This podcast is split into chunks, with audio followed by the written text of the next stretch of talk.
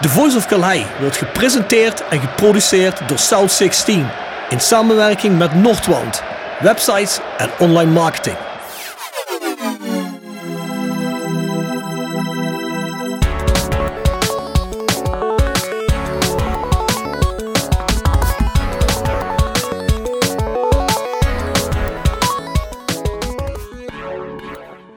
Goedenavond mannen. Het is een maandagavond, de maandag nadat het Nederlands elftal de achtste finale gewonnen heeft tegen de United States of America. Het was een grote strijd tussen, het nog voetbal of het nog soccer? Wat zeg jij ervan Bart? Ik weet zeker dat jij er een goede kijk op hebt.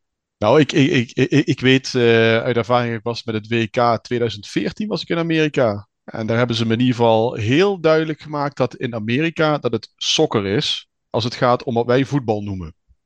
Dus ja, dat is niet een heel, helemaal een antwoord op je vraag. Maar de Amerikanen, die noemen het in ieder geval soccer. Ja, ze hebben natuurlijk al hun voetbal. Hè. Voetbal is wat anders, ja, We begonnen er nu een klein beetje een marketing-itempje van te maken natuurlijk. Maar goed, voetbal heeft gewonnen. Dus uh, daar gaan we het straks over hebben. Van tevoren nog een aantal kleine mededelingen. Hè. De gewone Voice of Gelijk komt uiteraard woensdag uit. Deel 1 met onze algemeen directeur Jordan Peters. Het is een lange geworden, dus die gaan we in twee delen gaan we hem snijden. En deel 1 komt komende woensdag uit. Ja, we hebben over van alles, hè, van beleidsplannen tot vitaliteitsmanagers, tot uh, nummer 6 positie wordt die nog ingevuld tot aan uh, allerlei andere zaken, hoe het nou gaat in de communicatie, het veiligheidswezen bij Roda, et cetera, et cetera. Ja, het was weer een leuke en lange en leerzame zit, dus ik zou zeggen luisteren. Voor de rest hebben we natuurlijk onze seizoenskader, petjeaf.com en daar zit een reeks van extra's bij, er zal ook weer een stukje Joris Peters als extra bij zitten. Extra podcast, ook die niet afgeleid zijn van de gewone Voice of Calais en natuurlijk deze matchday, vind je daar allemaal. En ik heb vandaag alle shirts uiteindelijk op de post gedaan voor de mensen die al langer een abonnement hebben. Want er hoort zo'n shirt bij. Dus krijg je ook voor niks op een gegeven moment. Dus ik zou zeggen, ga eens kijken bij die seizoenskader petjeaf.com en meld je daarvoor aan. Nou, voor de rest is onze online shop south16.com. Onze e-mailadres is thevoiceofcalais.south16.com. Ja, en Bart, dan zijn we al meteen aanbeland met Roda Nieuws.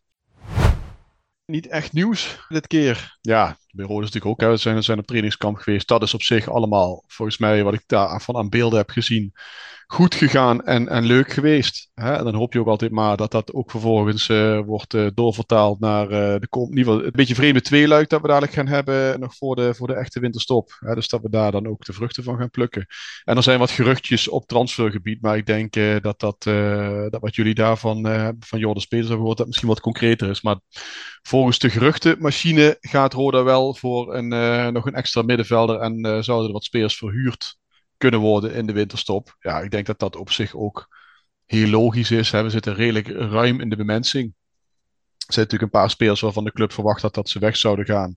Die zijn niet weggegaan, maar de opvolgers die waren wel al, uh, al in huis, waardoor we toch een behoorlijk ruime bank hebben. En we zien ook allemaal dat op het middenveld dat we daar echt wat tekort komen. Dus dat, uh, ja, dat zou fijn zijn. Ik weet niet, heeft, heeft daar iets over gezegd? Is die concreter geworden dan dit? Nou, op, toen wij vroegen, nou, er zou de winter iets bij komen, toen zei hij, het is nog geen winter. Als ik vandaag naar buiten keek, dan was het winter hoor. Ja, ja, ja ik ook. Maar ja, we zaten met hem samen uh, vorige week, dus toen was het nog geen winter. Nee. Maar goed, uh, daar bleef hij redelijk over in de midden. Deed hij niet heel veel uitspraken over. Maar ja, we weten van Jurgen Streppel dat hij heel resoluut zei al in de podcast een aantal maanden geleden. Nee, daar wil ik, daar wil ik echt iemand bij hebben. Stond trouwens ook in het persbericht nu, hè, dat ze daar nog altijd wilden. Ja. En over Bruin Bombe, of die zal vertrekken, zei hij resoluut nee. Dus Nee, dat, dat, nee dat, eh, dat, dat, dat, zou ik als club ook als standpunt nu hebben. Hè. Ik bedoel, uh, ja, misschien trouwens nog wel, uh, de eentje die zien we nog te binnen, maar Roda gaat ook die opties lichten hè, op, op Vente en op, op Limbombe. Waarmee ze ja. dus ook langer vast liggen en dat, ja, dat de club dan waarschijnlijk ook qua transfersom redelijk wat kan vragen. Ik zeg opzettelijk mhm. opties lichten. Hè, we mochten van onze mede co-host Bjorn Jegers niet praten over verlengen, want dat, dat betekent wat anders. Ja, maar in de praktijk worden de contracten verlengd.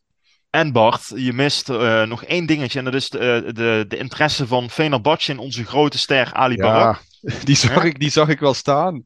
Maar ja, ik geloof er eerlijk gezegd helemaal niks van. Ik, we moeten met dit bericht. Maar ik vond het ook een beetje zo gekunsteld persberichtje. Ja. Wat was het? Van, van, van welke site meldde dat? Ja, weet ik niet. Weet ik niet. Wat je natuurlijk wel ziet, is dat tweede elftallen van bepaalde grote clubs vaak niet zo heel veel voorstellen.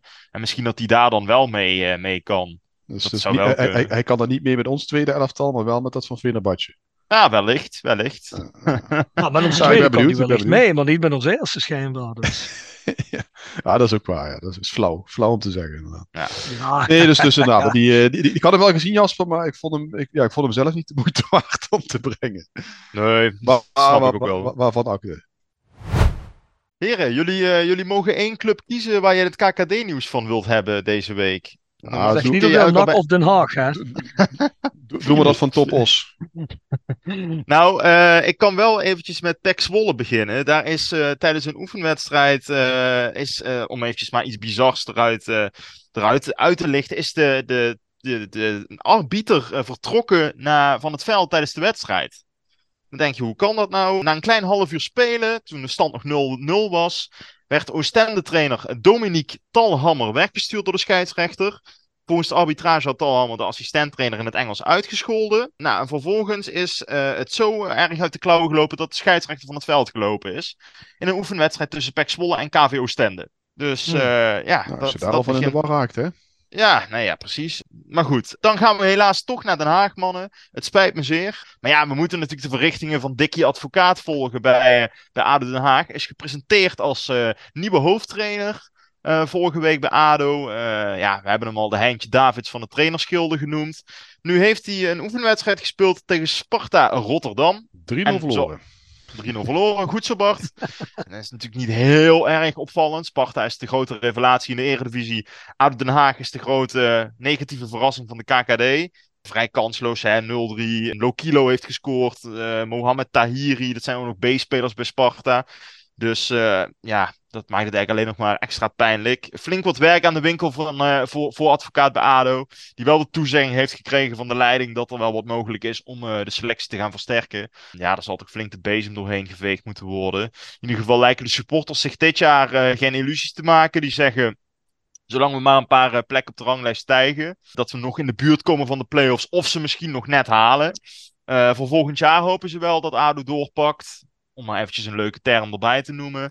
En vervolgens eh, een volgende stap kan zetten op die ranglijst. Want ja, ADO Den Haag heeft natuurlijk nog steeds een van de grootste begrotingen van de KKD. Dus die zullen heel graag eh, de sprong naar boven ook wel weer eens willen maken. Maar de ADO-supporters die eh, lijken dat dit jaar opgegeven te hebben. Wat ik niet begrijp. Het Dick Advocaat zit er toch gewoon alleen maar tot het einde van het seizoen, of niet? Jazeker, alleen zeg maar, er is wel een toezegging gedaan dat ADO op zoek gaat naar een capabele opvolger van advocaat aan het eind van dit seizoen. Eh, Ja, maar goed, dus maar ja. ik bedoel, dat gaat dan een bestuur toezegging aan Dick Advocaat doen dat ze. eh, ik neem aan dat hij daar ook nog wel een stem in zal hebben, welke spelers dan komen. Dat ga je toch niet doen met een trainer die er maar nog ja, pakweg vijf, Nee. zes maanden zit. dat, dat klopt. Alleen de geruchten gaan ook dat advocaat een andere rol binnen ADO nog eh, kan krijgen volgend jaar. Ehm, dus dat hij eigenlijk toch een heel klein beetje meebouwt aan zijn eigen speeltje voor de komende jaren. Alleen dan zal hij niet als trainer voor de groep staan, maar waarschijnlijk als commissaris of zo. Want het is natuurlijk wel zijn clubpie. Ja, daar heeft hij er wel veel van, hè? Hij komt natuurlijk Ja. wel uit Den Haag, dat klopt, maar heeft daar eigenlijk... Ja, kan eigenlijk niet, niet, sinds zijn actieve carrière als speler kwam iedereen dat hij ook maar iets gedaan heeft. eh, terwijl hij heeft zo'n beetje drie kwart van het Nederlandse voetbal gehad als, eh, als trainer. Dus Ja. ik, ik, ik, dat viel me wel een beetje op hoe daar eh gereageerd wordt van ja, hij, hij gaat nu uiteraard gaat hij voor Den Haag doen. Ik vind het op zich wel opvallend dat hij dat doet. En, en ik moet nog zien of het een succes wordt. Hè. De vorige keer dat hij met beperkt materiaal moest werken bij Sparta was het bepaald geen succes. Nee, dat klopt. Dat Dus, klopt. Het is natuurlijk wel zo dat je het niet heel veel slechter kan doen. Dat. Eh, dus dat zal bij hem ook wel meespelen, dat hij een beetje in de luwte kan gaan werken. Dat zal hij niet gewend zijn, eh, want ja goed, bij elke club waar hij kwam was het wel eh, met een cameraploeg stonden ze bovenop zijn, zijn snuffert. Dat is natuurlijk het zuiverste voorbeeld was de Disney documentaire van Feyenoord twee jaar geleden. Waarin hij ook niet al te sterk eigenlijk eruit kwam. Hè? Met eigenlijk een vrij gelaten indruk maakte die toen. Dus ja, laten we hopen voor ADO dat, het, dat hij de spelers van Den Haag wel een beetje weet te inspireren. Dat was hem, Jasper, wat het KKD-nieuws Ja. aangaat. Dat was hem, ja. De Missing Link. Het trainingskamp in Belek zit erop voor Rode JC. Acht dagen lang hebben de spelers van ons Roda zich kunnen opladen voor twee topwedstrijden in de keukenkampioen-divisie tegen Heracles Almelo en PEC Zwolle. De spelers genoten van mooi weer, een prima hotel en vooral van de lol die ze met elkaar hadden. Want dit Roda lijkt dit jaar veelal op een ploeg die eigenlijk veel te veel goedzakken in de gelederen heeft. Neem assistent-trainer Roel Brouwers. de goedlachste jong Oesterstreek die zijn zoon via L1 feliciteert met zijn verjaardag. Middenvelder Teun Bijleveld, die tijdens datzelfde item van L1-verslaggever Sam Kale een kaartje schrijft naar zijn oma omdat hij trots op haar is dat ze een nieuwe heup heeft en de operatie hierop goed doorstaan heeft. Of Nick Vosspeld, de middenvelder die met een glimlach van oor tot oor de supporter meeneemt in het hotel van Rode JC. Vooropgesteld, je krijgt een glimlach op je gezicht als je kijkt naar deze beelden. Want qua sfeer zit het dus wel goed bij Roda. En toch baart net dat me zorgen. In de eerste seizoenshelft werd er namelijk veelal aangetoond dat Roda leuk voetbalt, maar niet echt strijd kan leveren. Emotie en voetbal zijn vaak heel dicht bij elkaar in het spelletje. Maar heeft deze groep dat ook wel door? Het kwartje leek wel te vallen bij hoofdcoach Treppel. Hij wilde een emotionele Roda zien in de wedstrijden tegen Heracles Almelo en PEC Zwolle. Maar is het wel reëel te verwachten van Roda JC? Dat lijkt op een brave labradoodle die niet kan uitgroeien tot een agressieve bulldog. De nood naar een echte nummer 6 is hoger dan ooit. Een speler die naast zijn voetballende kwaliteiten iets extra's brengt qua mentaliteit. Dit Rode JC-elftal zou zich voetballend echt tekort doen wanneer het niet op zoek gaat naar een extra stukje mentaliteit deze winter. Het is echt nodig, want anders blijft Roda leuk voetballen, krijgt het de bloemen, maar zal het niet veel plekken gaan stijgen. Dan gaan we naar de speelronde op het uh, WK. Wat ik wil doen is omdat we na de derde ronde van de groepsfase eigenlijk niet ertoe gekomen zijn een match uit te brengen. En het Nederlands elftal ondertussen in de kwartfinales heeft gespeeld, net zoals een reeks van andere teams trouwens al. Ik pak alleen heel even een aantal highlights eruit voor de groepsfase. Nou, één highlight was natuurlijk, uh, nou ja goed, highlight, dus in ieder geval Nederland kwalificeerde zich definitief door een winst op Qatar. Nou, heel even kort. Ik denk geen wedstrijd die de boeken ingaat, toch Bart? Nee, dat was, dat was echt een niemendalletje. Uh, dat merkte je ook. Je merkte dat Nederland ook echt met de handrem erop speelde. Wat dingetjes uitgeprobeerd heeft. Het was al uh, vrij snel ook, uh, ook beslist dat we die wedstrijd gingen winnen. Dus nee, dat is niet eentje die ik lang zal heugen, nee. Qatar gaat eruit als slechtste gastland ooit. Niet verrassend. Nee, nee, in die zin, het was nog even afwachten hoe ze, hoe ze het gingen doen. Hè. Er gingen de wildste geruchten dat, uh, dat Qatar had gebouwd aan een uh, formatie dat uh, wel eventjes de kwartfinale à la Rusland zou gaan halen. hadden heel erg lange voorbereiding gezeten op het toernooi. hadden de Azië Cup gewonnen ten koste van Japan. In de Copa America ook niet slecht gepresteerd. Maar uiteindelijk bleek toch wel dat het gebrek aan misschien wel internationale ervaring de ploeg enorm heeft opgebroken. En je ziet dat dat bij Saoedi-Arabië uiteindelijk, uiteindelijk toch ook gebeurd is. Hè. Het begint allemaal heel erg ja, vrijblijvend en, en, en, en leuk en frivol. Maar uiteindelijk gaan ze allebei niet door. En is Qatar uh, inderdaad gewoon, uh, ook qua kwaliteit en ook qua puntenaantal, het slechtste gastland uh, ooit. En, toch viel het dan nog mee, hè? want ik denk als, als ze dit project niet gedaan hadden, althans als ze niet, niet dat omvangrijke netwerk hebben ingezet met allemaal spelers die voor Qatar zouden kunnen uitkomen, dan was het uh, denk ik iedere wedstrijd bijna dubbele cijfers geweest. Hè? Ze, ze zijn ook niet helemaal ja, weggevaagd of zo, zeg maar. Het was gewoon... Uh, nee, het, ja. het, het, het, was geen drie, Tahiti drie, op de Confederations nee, Precies, precies. Nee, dat, gewoon dat drie, drie, keer, drie keer gewoon royaal niet goed genoeg. Nou, ja, Moet je toch niet voorstellen dat zo'n dat zo'n elftal een, een, cup wint ten opzichte van Japan? Nee. Dat helemaal niet voorstellen. Nee, ik vind nee, het wel eens Elke keer als, als ik dat ergens op, het, op een podcast hoorde of, of, of in een berichtgeving ja, toen dacht ik altijd, dit moet ik een keer googlen. Want die Azië Cup, dat moet dan iets zijn misschien voor de mindere teams in Azië. Maar dat is dus gewoon een legit prijs.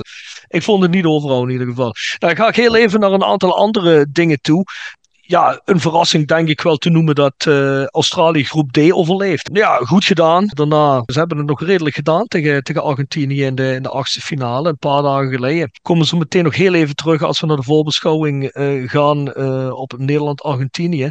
Maar ja, goed, Australië met Graham Arnold overleeft de groepsfase. Goede prestatie denk ik van die jongens. Ik denk ook puur op mentaliteit, want ja, het was toch een van de, ik denk top drie minste elftallen op T2K, of niet Bart? Ja en, en nee. Kijk, ik bedoel, uh, mentaliteit is ook gewoon een kwaliteit. Hè? Voetballend, voetballend ja. Maar uh, kijk, je hebt, je hebt ook een aantal landen erbij gehad die voetballen misschien meer potentie hebben. Waarbij het gewoon geen team is. En daar, daarmee zie je dus dat je. Mm. Ja, je, je, haalt er geen, geen, geen, halve finale of zo mee. Maar je, je kunt wel gewoon zo'n groep, die kun je best overleven. Want zo groot is het verschil dan ook weer niet met die andere landen. In ieder geval vaak wel met het topland, maar de andere twee in de pool niet. Zonder meer waar. Ik denk dat we dan vooral in de laatste twee dagen, of misschien wel de laatste dag van de groepsfase, toch wel de meest crazy dagen hebben gehad. Hè? Ik denk dan bijvoorbeeld aan de groep E-beslissingsdag hè, met uh, de wedstrijden Spanje tegen Japan en Duitsland tegen Costa Rica. Ja, Bart, jij zei nog, en daar ben ik volledig mee eens. Als Duitsland was, zou in de laatste acht minuten drie eigen goals hebben gemaakt, zodat Spanje eruit ook uitvliegt. ja. Sta je er nog altijd achter? Ja, die, die, die, die hebben met mijn optiek wel echt laten lopen, ja die wisten gewoon van ja, op het moment dat wij uh, Japan, als, als, als Japan wint, dan ligt Duitsland eruit. Zo simpel is het. Ja, ik, ik, heb Japan nu ook weer gezien tegen Kroatië, grote stukken. En dat hield niet over uh, voetballend gezien. Ik kan me niet voorstellen dat Spanje daar op een goede dag niet, uh, niet van had kunnen winnen. En de situatie was op dat moment natuurlijk wel zo. Dat als Costa Rica dan ook won, dan lag Spanje eruit. Ik denk dat die redelijk op de koop toe hebben genomen. Dat ze ervan uitgingen dat Duitsland wel moest.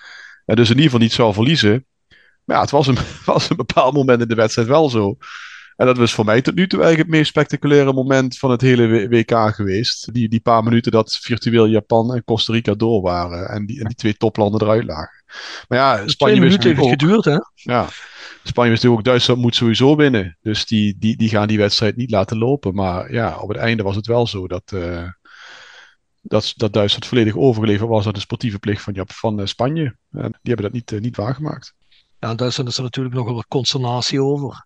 Hansi Flick ook al teruggetreden als bondscoach. Dat is toch bizar, hè? Ik bedoel, de Duitsers hebben toch eigenlijk helemaal niet zo slecht gespeeld. Ik, ik bedoel, je kan toch ook wel heel klein Duitsers eroverheen kijken, toch? Laten we ook heel eerlijk zijn ze hadden niet echt een, goede spits. Hè? Als je het moet doen met Full Kroeg als spits, ja, dat is eigenlijk de Wout Weghorst van Duitsland. Als dat je enige spitspositie is die je moet afmaken, ja, dat past ook niet echt in de Duitse traditie van, uh, van goede stuurmer. Hè? Ja, dan, dan is dat moeilijk. Maar ik vind dat Duitsland een van de teams die het leukste voetbal heeft gespeeld tot aan de 16. En dan kun je zeggen, koop je niks voor. Dat klopt inderdaad.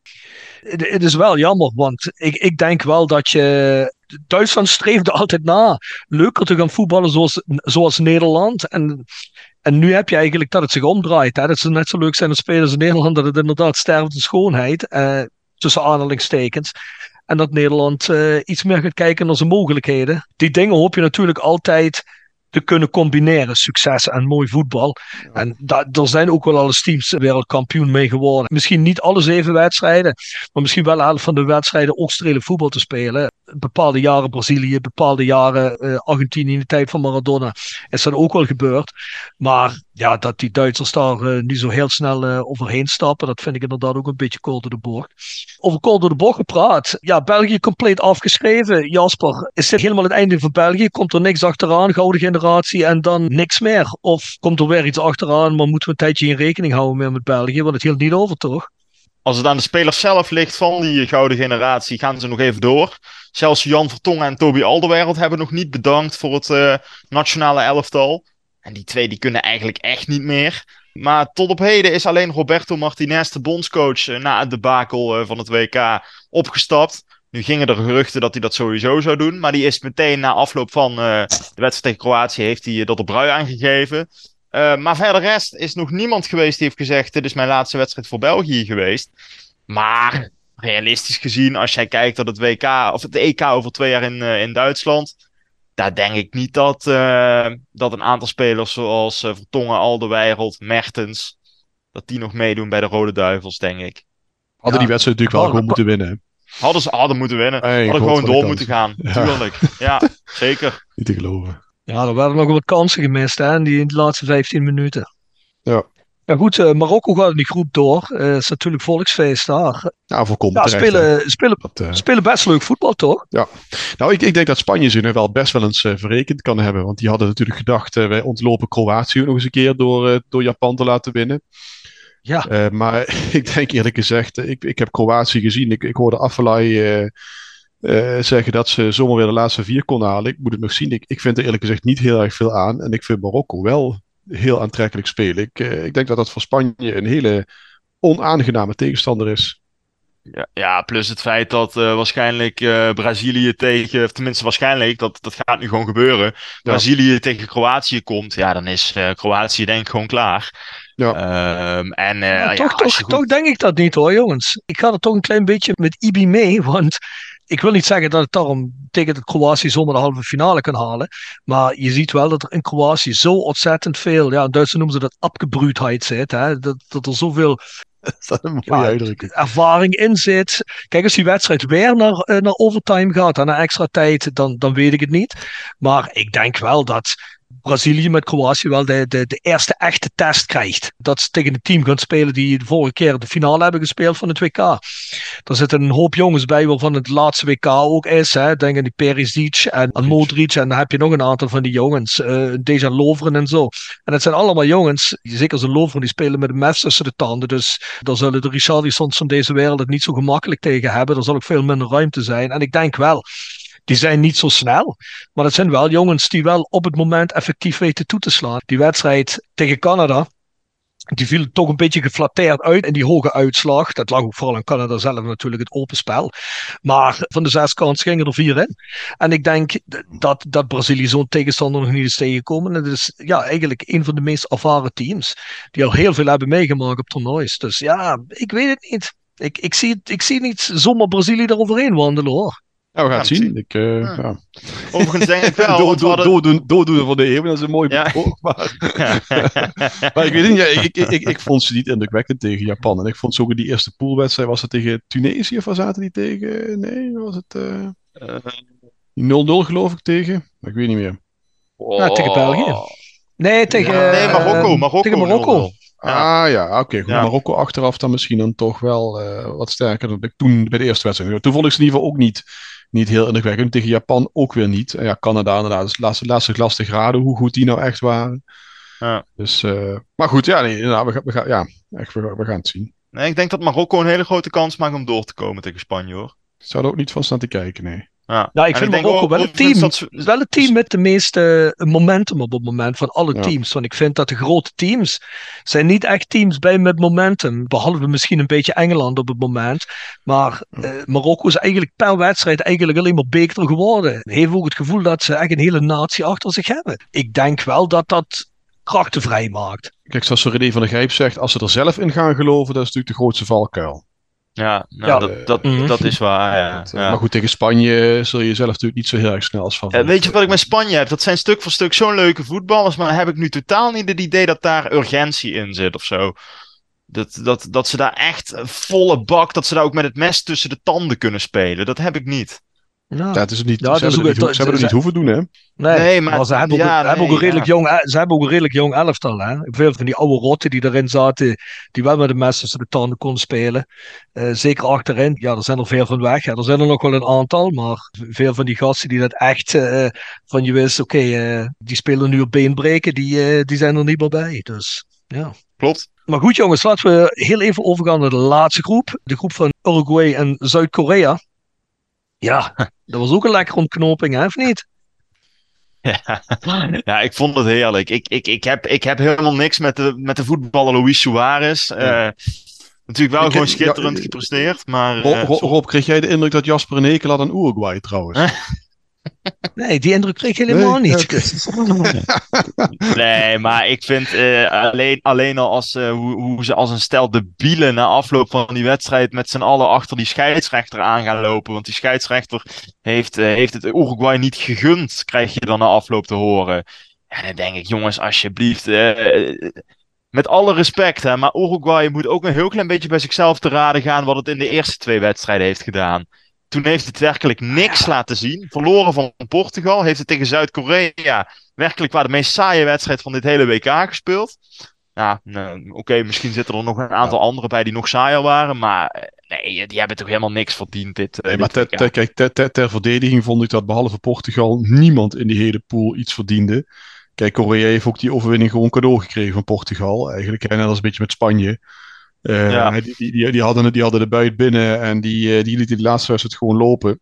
Mm. Ja, dan vond ik, dat, vond ik dat Uruguay, zeker op basis van die laatste wedstrijd, wel het meest aanspraak erop mocht maken. Ik vond eh, Korea kreeg een cadeau en ze hebben er wel echt afgedwongen. Maar goed, ja, weet je, dus... eh, ik denk dat beide er uiteindelijk tegen Brazilië... eh, Kijk, Zuid-Korea, dat loopt nu, daar komen ze op. Maar Ja. Uruguay had ook, eh, had ook verloren van Brazilië. Dus nou, dan was het een wedstrijdje later klaar geweest. Maar voor zo'n Zuid-Amerikaans eh, land is dat natuurlijk wel eh, een affiche, hè, dat ze nu mislopen. het is natuurlijk jammer wel voor, voor een aantal van die oude gasten die dat nog één keer mee willen maken. En ik kan natuurlijk ook best wel uh, meegaan met de jongens die hè, zo, zo verbeten zijn in, uh, in het willen winnen. Dat vind ik natuurlijk ook mooi. Maar van de andere kant, dat is ook wel mooi. Gaan er dan in de zesde minuut van acht minuten na speeltijd nog eens een keer een dubbele wissel op een dode gemak doen. Terwijl ze weten dat ze die wedstrijd toch niet meer gaan winnen. Dus uh, ja, dat, dat, dat, dat vind ik dan wel mooi. Maar ja, goed, dat krijg je ervan. Heel Ghana wilde per se niet het Louis Suarez de volgende ronde ging halen. En dat is ze gelukt. Maar ja, goed, dat vind ik dan van de andere kant ook wel wel mooi. Over de achtste finales, heel even kort over Nederland hebben het gehad. Ik denk Frankrijk en Engeland heel erg soeverein. Ik denk dat we er ja. ook niet heel veel woorden aan hoeven vuil te maken. Eigenlijk denk ik wat we ervan verwacht hadden. Ja, um, Mbappé, hè? Mbappé, fenomenaal. En bij Engeland ook Bellingham, hè? extreem goed. Een van de uitblinkers van dit toernooi vind ik zelf. Dan voor de rest, ja, vanmiddag Japan-Kroatië. Japan wat extreem slecht strafschoppen neemt. Ik heb dat echt... Zo. Ah, het was, Pierre van Hooijdonk zei het eigenlijk eh, na, na de rand. Die zei ja, na de, tweede, na de tweede penalty was er ook geen spanning meer. Het was er eigenlijk meteen vanaf. En ja, ja. zo voelde ik het ook. Ik had echt zoiets, ja... Ik ga, ja, ik, ik, ga, ik, ga eten ja. maken, want het is voorbij. Ja. Dus... En ik had, dat niet, ik had dat niet gedacht. Ik zei tegen Sander nog op voorhand. Ik zeg, goh, die, die Japanners, die maak, je, die maak je nergens gek mee. Weet je, die hebben echt zo'n zo'n gezichten allemaal, die, dat straalt niks uit verder qua. Dus, dus ook geen spanning. Maar uh, nee, ik, ik, of ze hebben er nooit op getraind, ik heb geen idee. Kennen we Japanners die uh, in uh, competi grote competities strafschoppen nemen of zoiets? Doen ze dat gewoon te weinig? Ik weet het niet. Nou, weet je, bijvoorbeeld die, die, die, die, Kamada bij Frankfurt neemt volgens mij best wel, uh, best wel ja. penalties. Dus, ja, die, heeft, die heeft ze vorig jaar de Europa League bezorgd. Uh, Leek ja. op in ieder geval.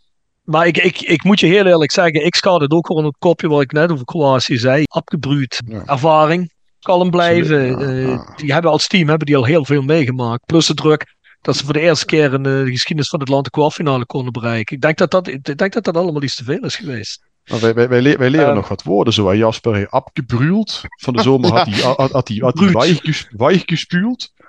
Ja, het zijn echt, het zijn paar termen die, uh, die pikken ja. mee zo. Ja, joh, de, de, de, Duitser, de Duitser, de Duitser ja. heeft soms woorden voor dingen. Die heb je in Engels en Nederlands heb je gewoon niet. Dat is zo. Dat, die is kunnen soms dingen mooi samenvatten in één woord. Ja, droofganger ja, vind ik dan ook een heerlijk woord hoor, moet ik zeggen. Ja, ja. ja zeker, ik ook. Droof. Hey, jongens, over Brazilië, Zuid-Korea hoeven niet veel te zeggen, denk ik. We zitten in de 70ste minuut, uh, dus 4-0 daar. Die wedstrijd is gespeeld. Nee, nee maar loopt nog steeds rond. Nou, nee, mag ervoor nog steeds op. Die had ik toch wel gewisseld inmiddels, maar... Uh... Maar ik denk dat hij na die aantal wedstrijden gewoon wil spelen, dat hij niet mee heeft kunnen doen. Hè? Nee, goed, heeft, natuurlijk wel, heeft natuurlijk wel die tik gehad, hè, dat je denkt, nou, misschien ja. uh, 4-0, maar... Nou, denk dat, ob ob objectief gezien uh, zou je zeggen dat je nu wel de twee grootste favorieten, dat dat Brazilië en Frankrijk zijn, denk ik. Voor de eindzege. Vind je dat? Ah, ik vind, vind ik, wel, ik, vind, ja. ik, vind, ik vind Engeland vind ik, uh, ook best een kans hebben, hoor. Ja, Ze hadden het begin een beetje moeilijk tegen Senegal, maar uh, in de tweede helft was het zo 3-0. Engeland is niet slecht, maar daar weet je gewoon op voorhand van dat ze dat niet gaan winnen. Uiteindelijk. Ah, misschien. Die, nee, dat niet. winnen ze niet van Frankrijk. Nee, dat, nee, nee. Denk ook. Ah, nou, überhaupt niet. niet. Ik, ik, ik, ik, zie geen scenario voor me waarin zij uiteindelijk met die cup staan. Dat, die, die gaan we ergens gruwelijk hard falen. Net zoals in ja, eigen land. Uh, dat is het natuurlijk. Hè. Ja. Dat is het meer. ik zie, ja, zie ze niet dat, dat is een tegenstander waar ze over struikelen. Maar ze gaan struikelen, dat weet je gewoon. Dat is natuurlijk wel iets, maar ja. puur gebaseerd op vertoonspel, ja, vind ik, vind ik ze de top 3 zitten van dit toernooi. De zolder van Oranje.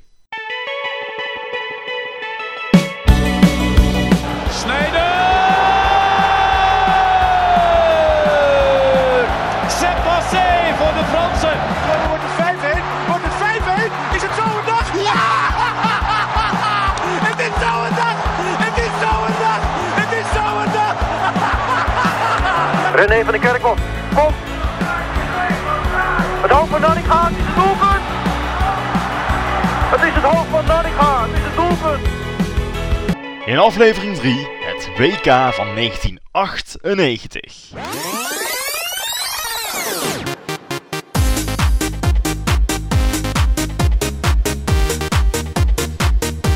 Ah, heerlijk. De zomer van 1998. Nederland dompelt zich vier weken lang onder in een oase van rust, zon, stokbrood en rode wijn. Aan de hand van Villa, Barenden van Dorp en Oranje laten Nederlanders zich vanuit zijn of haar luie stoel meevoeren in een toernooi waar Nederland tot een van de favorieten op de eindzege behoort. De kou van het mislukte EK96 is uit de lucht.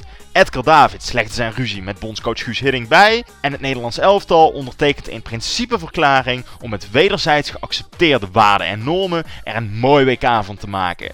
Het WK dat het WK moet worden van de gouden generatie. Met spelers als Edgar David, Patrick Kluivert, Dennis Bergkamp, Philip Cocu, Frank de Boer, Clarence Seedorf en Jaap Stam.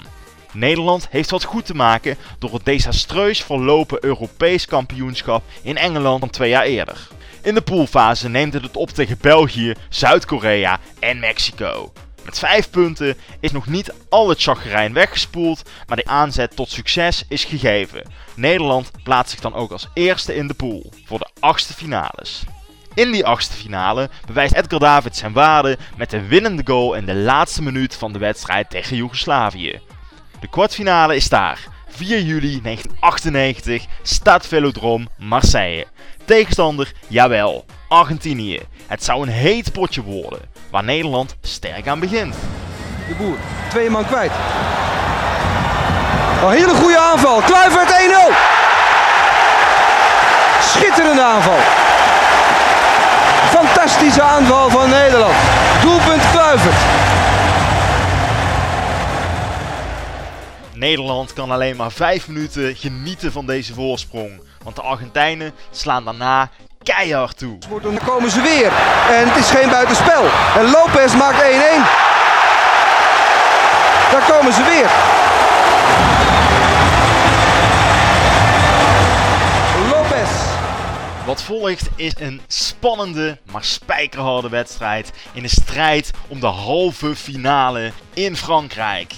In de tweede helft wordt het naarmate de tijd vordert steeds spannender en steeds venijniger. Uiteindelijk staan er nog maar 10 tegen 10 man op het veld. Arthur Numan en Ariel Ortega van de Argentijnen krijgen rood. Wat volgt is een spannende slotfase die af lijkt te stevenen op een verlenging.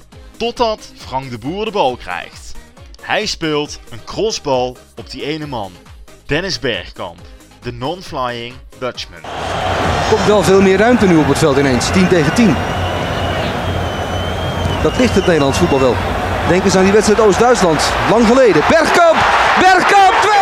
Dennis Bergkamp! Dennis Bergkamp! Dennis Bergkamp! Dennis Bergkamp! Oh! Frank de Boer speelt de bal aan Dennis Bergkamp! Die neemt de bal feilloos aan! En hij schiet de bal erin! We spelen nog officieel 20 seconden! Dennis Bergkamp! 2 15 miljoen mensen op dat hele kleine stukje aarde. Die schrijf je niet de wetten voor, die laat je in hun waarde. 15 Nederland schakelde Argentinië uit en mocht zich voegen bij de laatste vier in Frankrijk. In de halve finale vond het uiteindelijk na strafschoppen, dat gebeurde die tijd nog wel eens vaker, haar Waterloo tegen Brazilië. Aan de andere kant van het schema won Frankrijk van Kroatië. Het betekende dat het gastland ook de WK-finale in eigen land mocht spelen. Daarin werd Brazilië uiteindelijk verslagen met een glansrol voor Zinedine Zidane. Frankrijk lifte de beker voor de eerste keer in haar historie op. En Nederland kon terugkijken op een geslaagd WK, maar de gouden generatie zou helaas geen prijzen meer pakken. op dat hele kleine stukje aarde. Die moeten niet het keurslijf in, die laat je in hun waarde. Nou goed, we zeiden net al in de intro dat het voetbal gewonnen heeft ten opzichte van het sokker. Nou, dan hebben we het over terminologie. Maar als we dan de terminologie als bruggetje pakken, dan kom ik toch uit bij Nederland, Verenigde Staten. En iets wat ik in de pers de dagen na telkens weer tegenkwam was provocerende pressing, mannen. Het was de eerste keer dat ik het hoorde. Ook de eerste keer dat ik het hoorde, eerlijk gezegd. En ik moet je zeggen, er valt iets voor te zeggen. Want op het moment dat jij een, eh, een ploeg laat komen, dat je ze eigenlijk uit de tent lokt, provoceren. En op een gegeven moment eh, zet je dan druk op ze. En uit de tegenaanval kun je een aanval fabriceren zoals Nederland bij de 1-0 tegen Amerika deed. Nou, dan eh, kun je het woordje provocerende pressing, kun je daar een vinkje achter zetten. Want dan is het gewoon hartstikke geslaagd. Noemden wij dat niet gewoon tot voor een paar jaar gewoon countervoetbal? Ja, precies. Kijk, eh, er wordt nu een beetje gedaan alsof dit een uitvinding is. Eh, terwijl het is natuurlijk gewoon een noodgreep. Hè, kijk, eh, dat deed, dat deed Inter in de jaren 60 al met, hoe heet het ook alweer, Herrera, of hoe heette die? die trainer toen? Herrera. Herrera, Herrera, ja. Kijk, dat was toen al. Hè? En countervoetbal is er natuurlijk. Het is, is, is, is ook niks, het is ook niks vies of zo. Weet je? Dus het is gewoon een, een manier van voetbal die heel erg kan passen bij een bepaald type spelers. Hè? Je moet wat snelheid hebben. Uh, je moet achterin de boel goed kunnen dichten houden. Je moet snel kunnen omschakelen. Hè? Dus ook de, het is dus nooit met één paas zeg maar, achter de verdediging en dat is het. Dat lukt ook wel eens een keer. Maar je zag bijvoorbeeld hoe Nederland die 1-0 scoorde. Hè? Dat hij toch nog over 20 schijven gaat. Dat moet je wel beheersen. Maar het is gewoon een hele succesvolle manier van voetballen voor ploegen die ja, wat minder sterk zijn en echt een tegenstander helemaal kapot spelen op de helft van de tegenstander. En dat is wat wij natuurlijk vaak wel als Nederlands voetbal ja, onszelf hebben opgelegd. Hè, dat het op die manier moet. En dat is natuurlijk niet zo. Ik bedoel, Italië heeft uh, vier wereldtitels uh, behaald eigenlijk op die manier. Nou, nu met Van Gaal wordt het natuurlijk altijd een beetje ja, uitvergroot alsof het, een, alsof het een geweldige vondst is. En voor Van Gaal als trainer is dit natuurlijk ook redelijk nieuw. Hij heeft het in 2014 gedaan. Maar eigenlijk in de jaren daarvoor waren we eigenlijk altijd wel van Van Gaal gewend dat hij een ploeg dominant wilde laten voetballen. En in 2014 kwam het eigenlijk een beetje als een verrassing van hé, hey, dat, doet, dat doet hij dus eigenlijk helemaal niet. Vonden we stom vervelend allemaal in Nederland eigenlijk dat voetbal, maar was wel succesvol. En nu doet hij het, eh, nu doet hij het weer. En ik vind het op zich met het elftal, we hebben geen verrassing dat hij, eh, dat hij het op deze manier probeert. Ja, je nee. hebt natuurlijk wel nu de discussie in Nederland. Ik heb enige podcast geluisterd en daar, mm ja, er is altijd een vertegenwoordiger voor de kant van, nou ja jongens, we sterven normaal altijd in schoonheid. Dus uh, als we een keer resultaat willen, waarom niet zo? Zeker uh, wat jij al zegt Bart, met het materiaal dat je ter beschikking hebt. Maar van de andere kant heb je natuurlijk ook de puristen en ja, de pure voetbalromantici. Die zeggen van, ja jongens, Nederlandse voetbal, dit is onze identiteit. Allemaal liever sterven in schoonheid. Maar uh, wel het beste voetbal ja. op het toernooi gespeeld hebben. Ja, daar de, de, ja, de complimenten voor krijgen ik snap het erop, hè, maar dan, dan, dan doen ze dus de veronderstelling opwerpen dat we met dit elftal in schoonheid kunnen sterven. Dat met dit elftal die schoonheid mogelijk is. Ja, en, en ik denk dat je puur in naam dat het had gekund. Hè, we hebben natuurlijk, uh, ja, ga eens even drie jaar terug in de tijd, drie of vier jaar terug in de tijd, dat, dat, dat, ja, dat, dat Ajax zo succesvol was met de licht.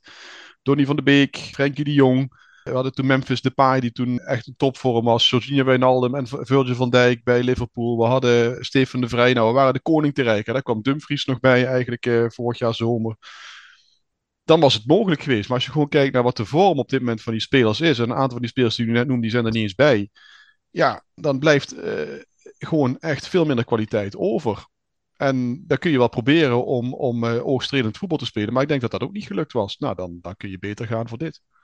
Ja, plus als ik het een maatstaf pak, de drie winnaars van de grote toernooien. Dan heb ik het over de Copa America, over het EK voetbal en over het WK voetbal in Rusland. Dat zijn allemaal ploegen die spelen op de manier die niet al te attractief was. Of het nu Frankrijk was in 2018, Italië in 21 of Argentinië uh, in 21.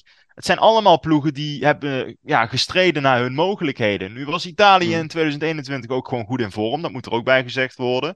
Alleen daar was het ook uh, met wingbacks die er overheen uh, knalden. En verder ja, op, een, op een redelijke organisatie gestoeld. En zo is Frankrijk eigenlijk met het materiaal wat ze hadden. was schandalig dat ze niet zo voetbalden. Maar uh, ja, ze wonnen toen wel de wereldbeker. Mm. Dus ik bedoel, ja, het, het is wel. Het draait, dus, het draait dus om. Jasper, Duitsland nu, die proberen het wel leuk. Ja, die, uh, die zitten na één rondje thuis. Ja, precies. Die, die, hebben eigenlijk een beetje het voetbal van Nederland overgenomen. altijd attractief. Nou, 2014 uh, was het succesvol. De jaren daarvoor ook redelijk. Ja. Maar je ziet, je ziet daarna, ja, dat als, als, als het niet echt helemaal samenkomt, probeer dan maar zeven wedstrijden op rij dominant, leuk voetballend uh, ook te winnen. Dat is. Uh... Ja. De discussie is natuurlijk in eerste instantie bij veel van die mensen niet. Per se moeten we dit winnen. Maar wel per se moet je identiteit behouden. En dat, ja goed, ja. Dat, daarmee hebben we gezien, winnen we over het algemeen bij Nederland geen toernooi. Al, alhoewel we 98 misschien een goede kans hadden gehad dat uh, toernooi wel ja. te winnen. Maar volgens mij was de groepsfase dan ook niet al te goed trouwens. Nee, de groepsfase dus, was niet al te goed inderdaad. Toen, toen gingen we volgens mij een beetje op doelsaldo door, omdat wij heel dik van Zuid-Korea wonnen. En ik meen, de België ja. speelden zelfs gelijk tegen. Maar toen had je ook wel de situatie dat Nederland ook wel uh, die unieke kwaliteit wel had. Hè, waar we net over hadden, die zouden we misschien nu op papier wel kunnen hebben, maar die, in de praktijk is die er niet. Maar toen had je alle spelers in de bloei van hun leven. En ook nog eens een keer in, in, in vorm of uh, zelfs in topvorm uh, in bepaalde gevallen. En dan kan het. Kijk, als je, als je kijkt naar hoe Duitsland in 2014 wereldkampioen werd, dat was ook met, uh, met aantrekkelijk en swingend voetbal. Hè? Ik geloof 7-1 tegen, tegen de Brazilianen. Ja, als het allemaal samenkomt, Eh, als de topclubs in je land in vorm zijn, de topspelers die spelen bij die topclubs en die zijn, eh, die zijn eh, ook dragende spelers, ja, dan, eh, dan kan dat maar. Ik denk dat dat ieder toernooi maar één of twee ploegen echt gegeven is. En de rest die moet eh, proberen om het eh, iets terughoudender te doen. Ja, plus Ja. Je, speelt nooit, je speelt nooit oogstrelend, hè. Je speelt nooit alle wedstrijden oogstrelend. Daar moet je ook rekening mee houden. Mhm. Die Nederlandse wedstrijd nou tegen de Verenigde Staten, want laten we daar al specifieker heen gaan. Was dat Ja. onze beste wedstrijd tot nu toe? Ja, vond ik wel. Ik vond dat eh, als je kijkt naar eh, hoe Nederland zeker in de tweede helft voetbalde. De eerste helft was het. Ja, ik, iedereen zegt dat het zo slecht was. Vond ik helemaal niet eigenlijk. Ik vond het heel, ja, heel gecontroleerd. En eigenlijk twee aanvallen die perfect uit het boekje zijn. En daarmee sta je op 2-0 voor. Ja, als je met een andere bril richting kijkt, dan, dan kun je daar ook gewoon van genieten. In de tweede helft was het voetbal beter. Amerika kreeg toen helemaal, denk ik, ja, los van die ene rare bal die erin valt, kregen ze eigenlijk helemaal geen voet aan de grond. En Nederland, ja, heel erg solide richting de overwinning. Ik heb geen seconde ook maar het idee gehad, ook na de 2-1, dat, eh, dat dit nog fout zou gaan. En ehm, dus ja, eigenlijk vind ik het tot nu toe de meest solide prestatie. En ik denk dat je met een solide team ook heel ver kan komen. Bart, Jasper even net over die goal. Beetje vreemde goal, hè? Wie is dat nog schuld? Is dat een raar samenloop van omstandigheden? Of moet Noppert eigenlijk Dumfries uit de weg duwen? Of staat Dumfries daar in de weg? Eh, wat gebeurt daar Ja, eigenlijk? ik, ik denk dat het een beetje onwennigheid was, een beetje een communicatieprobleem. Eh, ik, zou, ik zou hier niet één speler als de absolute schuldige willen aanwijzen. Ik denk dat het ook wel een beetje te maken heeft met de, ja, misschien wat de, de onervarenheid van, eh, van Noppert. Die dan, oh, ja, dat weet ik natuurlijk niet zeker, maar die dan of niet coacht of ja, te laat. Dat weet ik niet echt precies. Maar ik, ik, ik zou het niet, niet aan één speler per se willen toewijzen. Dit, eh, ja, Nee, ik, ik, ik vond de, de gezichtsuitdrukking en de lichaamshouding. Had ik bijna het gevoel dat Noppert zoiets had van. Ja, hier staat Denzel Dumfries. Ja, ik kan hem slechts, ik kan hem slechts wegduwen. Dat hij zich een beetje te nederig Ja, opstelde. En precies. alles eraan te doen die bal Ja. weg te krijgen. Ja. ja, ja. Ik denk als hij wat maar- meer status zou hebben, dan was, was dit doelpunt misschien niet gevallen. Inderdaad. Ja. Ja, ik denk als dit Hans van Breukelen was geweest of Edwin van der Sar, eh, Ja, denk ik wel dat eh, precies. Denzel Dumfries aan de zijlijn had gelegen. Ja. Daar ben ik wel van overtuigd. Maar goed, dat maakt verder niet zo heel veel uit. Ja, ik moet zeggen, ik vond die wedstrijd eigenlijk. eh, ik vond het voor de eerste keer, moet ik eigenlijk anders zeggen. Ik vond het eigenlijk voor de eerste keer dat ik dacht dat de wedstrijd gestructureerd was. Die andere wedstrijd had ik een beetje het gevoel, dat heeft Jasper ook al eens gezegd tijdens de wedstrijd op de app. Ik heb een beetje het gevoel van de rode zitten kijken. Er, worden wel dingen gedaan, maar ik zie er niet zoveel structuur in. Ik weet niet zo goed wat ze willen. Maar dat zag je deze keer wel, ik. Die wissels, bijvoorbeeld dat zo'n kopmijners erin komt en op een gegeven moment zo'n Simons. Vonden jullie dat logisch? Ja, logisch. Logisch niet, want Koopmijner speelde zeker niet goed in de poolfase. Dus Koopmijner snapte ik op dat moment niet. Dan moet ik wel zeggen dat hij zijn beste invalbeurt van, van, van, van toernooi had, eerlijk gezegd. Speelde redelijk, had ook bijna eh, nog een doelpunt gemaakt. En Xavi Simons, ja, dat was hij eigenlijk een heel klein beetje verplicht na de derde wedstrijd in de groep. En, eh, want toen zei hij van, jouw kans komt de volgende wedstrijd. En hij had zoiets, die wedstrijd gaan we waarschijnlijk niet meer verliezen. Dus eh, dan kan ik Simons ook een keer laten proeven aan dit niveau. Ondanks dat hij waarschijnlijk zelf zal zeggen: nee, dat, dat op dit toernooi kun je niet zomaar iemand even voor de leeuwen gooien. Dat zal hij waarschijnlijk zelf gezegd hebben. Maar dat heeft hij toch wel degelijk gedaan hoor. Omdat hij zelf ook wel doorhad van deze pot is wel binnen. Ja, ik vond deze pot wel een beetje David Klaas tegenvallen. Ik weet niet of jij dat zei op de app, Jasper. Jij zei volgens mij, waarom haalt hij hem eruit? Klopt dat? Of was dat de wedstrijd tegen Qatar? Dan weet ik even niet meer of ik, of ik me hier helemaal in vergis. Maar ehm, ik vond de jongens zoals Dron en Klaassen vond ik niet al, al te sterk. Had ik eigenlijk wel gedacht.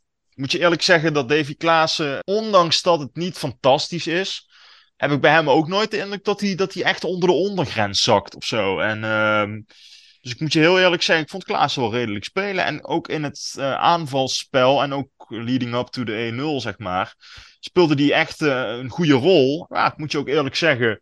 eh, dat Klaas als dienaar van dit elftal een, een, een goede speler kan zijn. De Roon, ja, die speelde ook zeker niet zijn slechtste wedstrijd. Maar die heeft altijd iets over zich, waardoor het allemaal wat minder lijkt. Eh, dat is gewoon zijn stijl, denk ik ook een heel klein beetje. Ik moet eerlijk zeggen, ik vond Frenkie de Jong veel tegenvallender tegen Amerika. Die vond ik eh, nog steeds niet zijn niveau halen. Ja, en, en, en, zo'n jongen als De Roon, weet je, die, die komt er zijn wedstrijd als dit ook niet echt lekker uit. Hè. Dat zijn niet echte wedstrijden voor hem. Eh, ik denk dat je die dadelijk tegen echt sterkere tegenstanders, dat je hem echt, dat je zijn meerwaarde gaat zien. Terwijl in deze wedstrijd komt eigenlijk, ja, als je iets meer, probeert in ieder geval, moet ik zeggen, al niet eens heel veel balbezit, maar als je probeert meer in balbezit te komen, dan heb je aan de Rhône heb je gewoon veel minder. Ja, Hmm. klopt. Blijft in ieder geval de, de wedstrijden redelijk verdedigend beginnen. Met een drone hè, die, eh, die toch eh, controlerender is.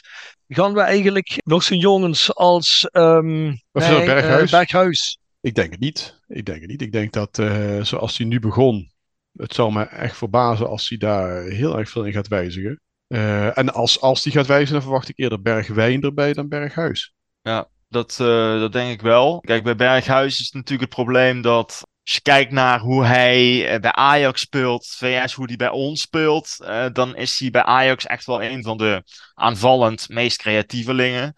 Terwijl, ja, bij Nederland voorin, het gaat om één man, Memphis Depay. En verder, hoe, hoe goed is de samenwerking tussen Depay en zijn companen voorin? En je merkt duidelijk dat de combinatie Berghuis-Depay een heel stuk minder goed werkt dan Bergwijn Depay. Dat, zijn echt, dat is een goed tandem. Hij geeft ook zelf aan dat hij het liefste heeft. En bij Ajax kan Berghuis wat meer eh, zelf eh, excelleren. En dat kan hij hier natuurlijk niet. Het is toch een dienaar van, eh, van Memphis.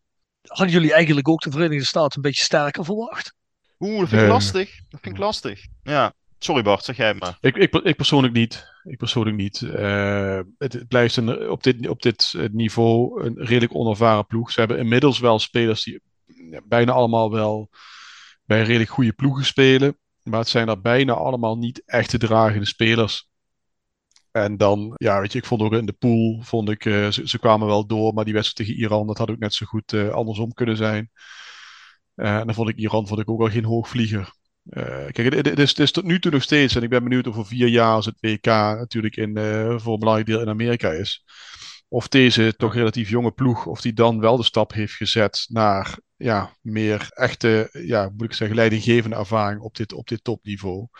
Maar ik vond het voor nu echt, echt nog te, te mager om echt aanspraak te kunnen maken op een kwartfinale plek, eh, eerlijk gezegd. En Nederland was ook niet heel groot, maar toch wel duidelijk te beteren. De posities die eigenlijk, denk ik, in de eerste drie wedstrijden ook redelijk achterbleven, maakte deze wedstrijd denk ik het verschil. En dat zijn eh, de twee wingbacks, Denzel Dumf en Daley Blind. Of zeg ik Hmm. daar iets fouts mee, Jasper? Ja, nee, daar kun je niet omheen. Moet ik wel zeggen, Denzel Dumfries is voor mij echt de onbetwiste man van de wedstrijd. En Daley Blind speelde eindelijk weer eens naar zijn vermogen. Dus nee, je zegt daar niks geks mee, eh, Rob. Dumfries, twee assists, bijna identiek. Keurig hoe hij die bal terugtrekt, tot twee keer toe. En bij die derde goal staat hij heel erg goed op de, op de juiste plek en eh, schuift hij hem heel koelbloedig binnen. En ja, haal de bal van de lijn. Kon eindelijk weer zijn, zijn, zijn geliefde rush uitvoeren op de rechterkant van het veld. Hè. We weten als Denzel eh, Dumfries maar kan denderen over die rechterkant. Ja, dan, dan, dan is hij in zijn kracht. Dat kon hij nu weer doen. Was ook naïef van de Amerikanen om te denken dat ze. Dat ze daar moeten ze, moesten ze eigenlijk wat op verzinnen. En dat deden ze niet. Vrees wel met grote vrezen dat dat tegen de Argentijnen een heel stuk beter verdedigd gaat worden. Dus dat is eigenlijk bij ons meteen de grote crux van... kunnen we daar een oplossing tegen vinden? Tegen de verdedigende Argentijnen op die wingbacks? Of niet? Want ik denk dat op het moment dat we daar een antwoord op hebben... dat we dan een hele grote kans maken om door te gaan. Hey mannen, als je nou een punt voor de wedstrijd moet geven, wat voor punt geven we dan, Bart? Een 7. Het hield niet, niet- het hield niet heel erg over, moet ik zeggen. Kijk, het is ook een heel klein beetje scorebordjournalistiek. Hè? Dat het nu een keer een wat, wat makkelijkere wedstrijd gaat. Je staat hup, ineens ook in de kwartfinale. Hè? Dus nog maar drie wedstrijden. Dus, dus de, de, de, de verleiding is groot om, eh, om hoger te gaan zitten. Maar ik heb me toch tussen de 1-0 en de 2-0 eh, echt stierlijk verveeld. En ik wijd het eerder aan een beetje, beetje, beetje toeval en gebrek aan creativiteit bij de Amerikanen. Dat er in de tussentijd eh, dat we niet een beetje in de problemen zijn gekomen. Want ja, het was, het was eigenlijk, er gebeurde, ja, er gebeurde echt gewoon niks. De tweede helft was dan iets, iets attractiever. Maar eh, ja, er is, er is echt nog ruimte naar boven. Ja, nou dat is alleen maar goed voor een, eh, voor een eh, ploeg die in een toernooi zit... dat er nog ruimte naar boven over is. Ik ben positief gestemd, omdat we toch een ontwikkeling zien in dit elftal. Amerika vind ik sterker dan Senegal, Ecuador en eh, Qatar, wat we hebben gehad in de eerste ronde. Dus als we dit kunnen doorzetten en we kunnen nogmaals tegen Argentinië op een aantal tactische spinsels van de Argentijnen een antwoord vinden, dan is er nog, eh, nog, nog genoeg ruimte voor verbetering over. En daarom ga ik eh, voor een, een 7 plus dit keer. Ja, ik denk ook ergens tussen een 7 en een 7,5. Hè? Niet zozeer dan gestoeld op het principe dat het eh, amusant moet zijn geweest. Maar ik geef me dan ook helemaal aan het principe over voetballen naar je kunnen. En kijken of we daar het beste resultaat mee halen. Ja, en als we daarheen kijken, moet ik eerlijk gezegd zeggen dat het plan gewoon goed uitgevoerd is. Het is veel beter als die eerste drie wedstrijden. Want ik ga er heel even vanuit dat Louis van Gaal zijn plan, eh, zijn tactisch plan, precies hetzelfde was.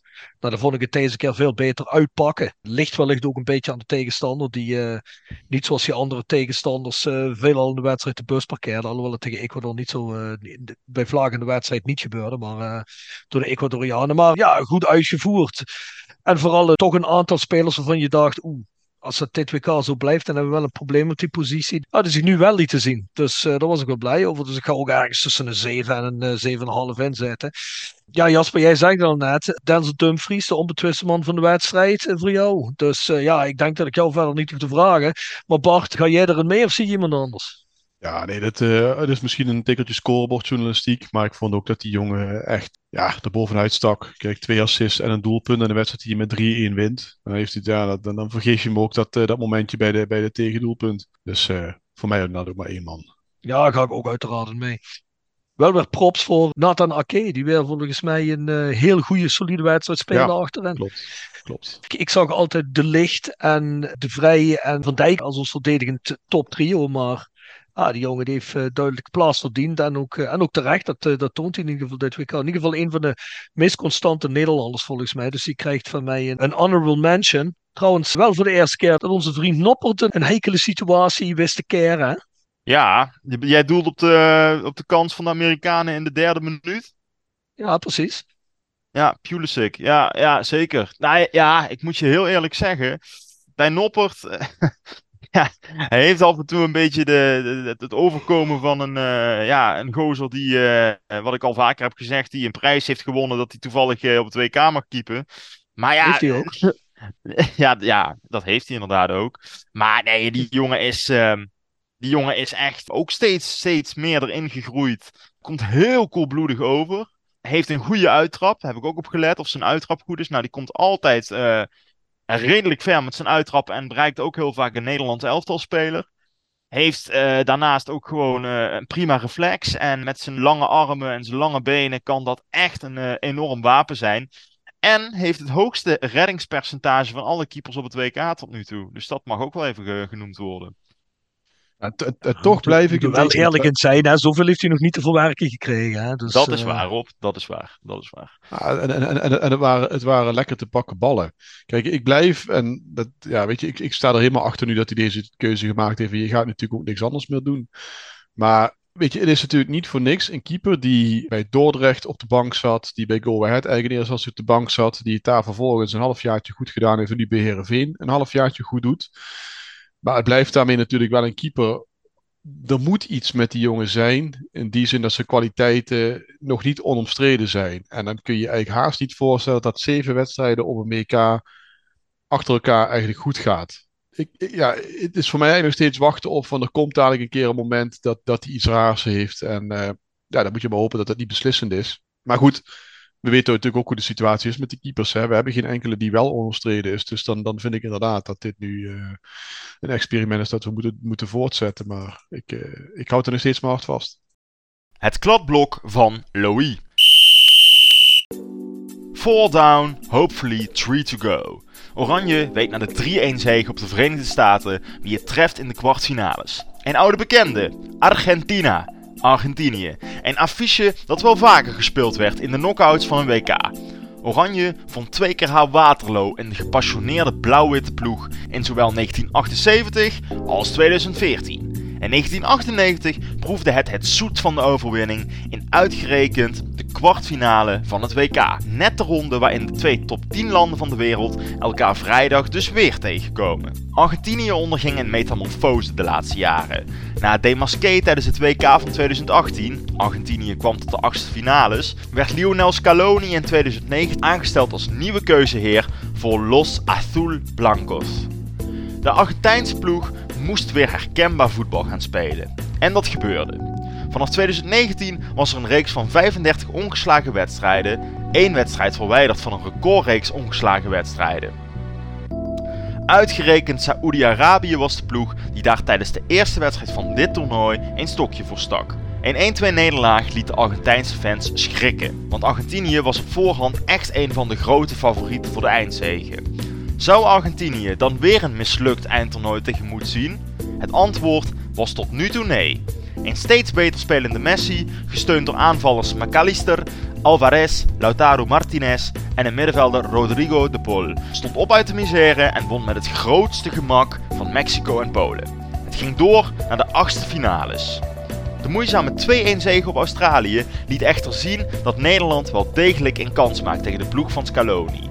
Argentinië kan maar moeizaam omgaan met een ploeg die het land onder druk weet te zetten.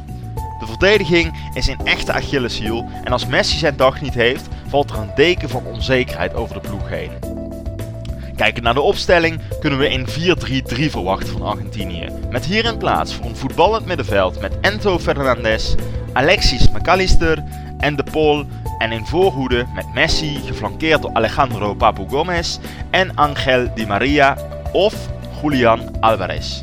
De wedstrijd staat gepland voor vrijdagavond 8 uur Nederlandse tijd en 10 uur Qatarese tijd in het Lusail Stadion te Lusail.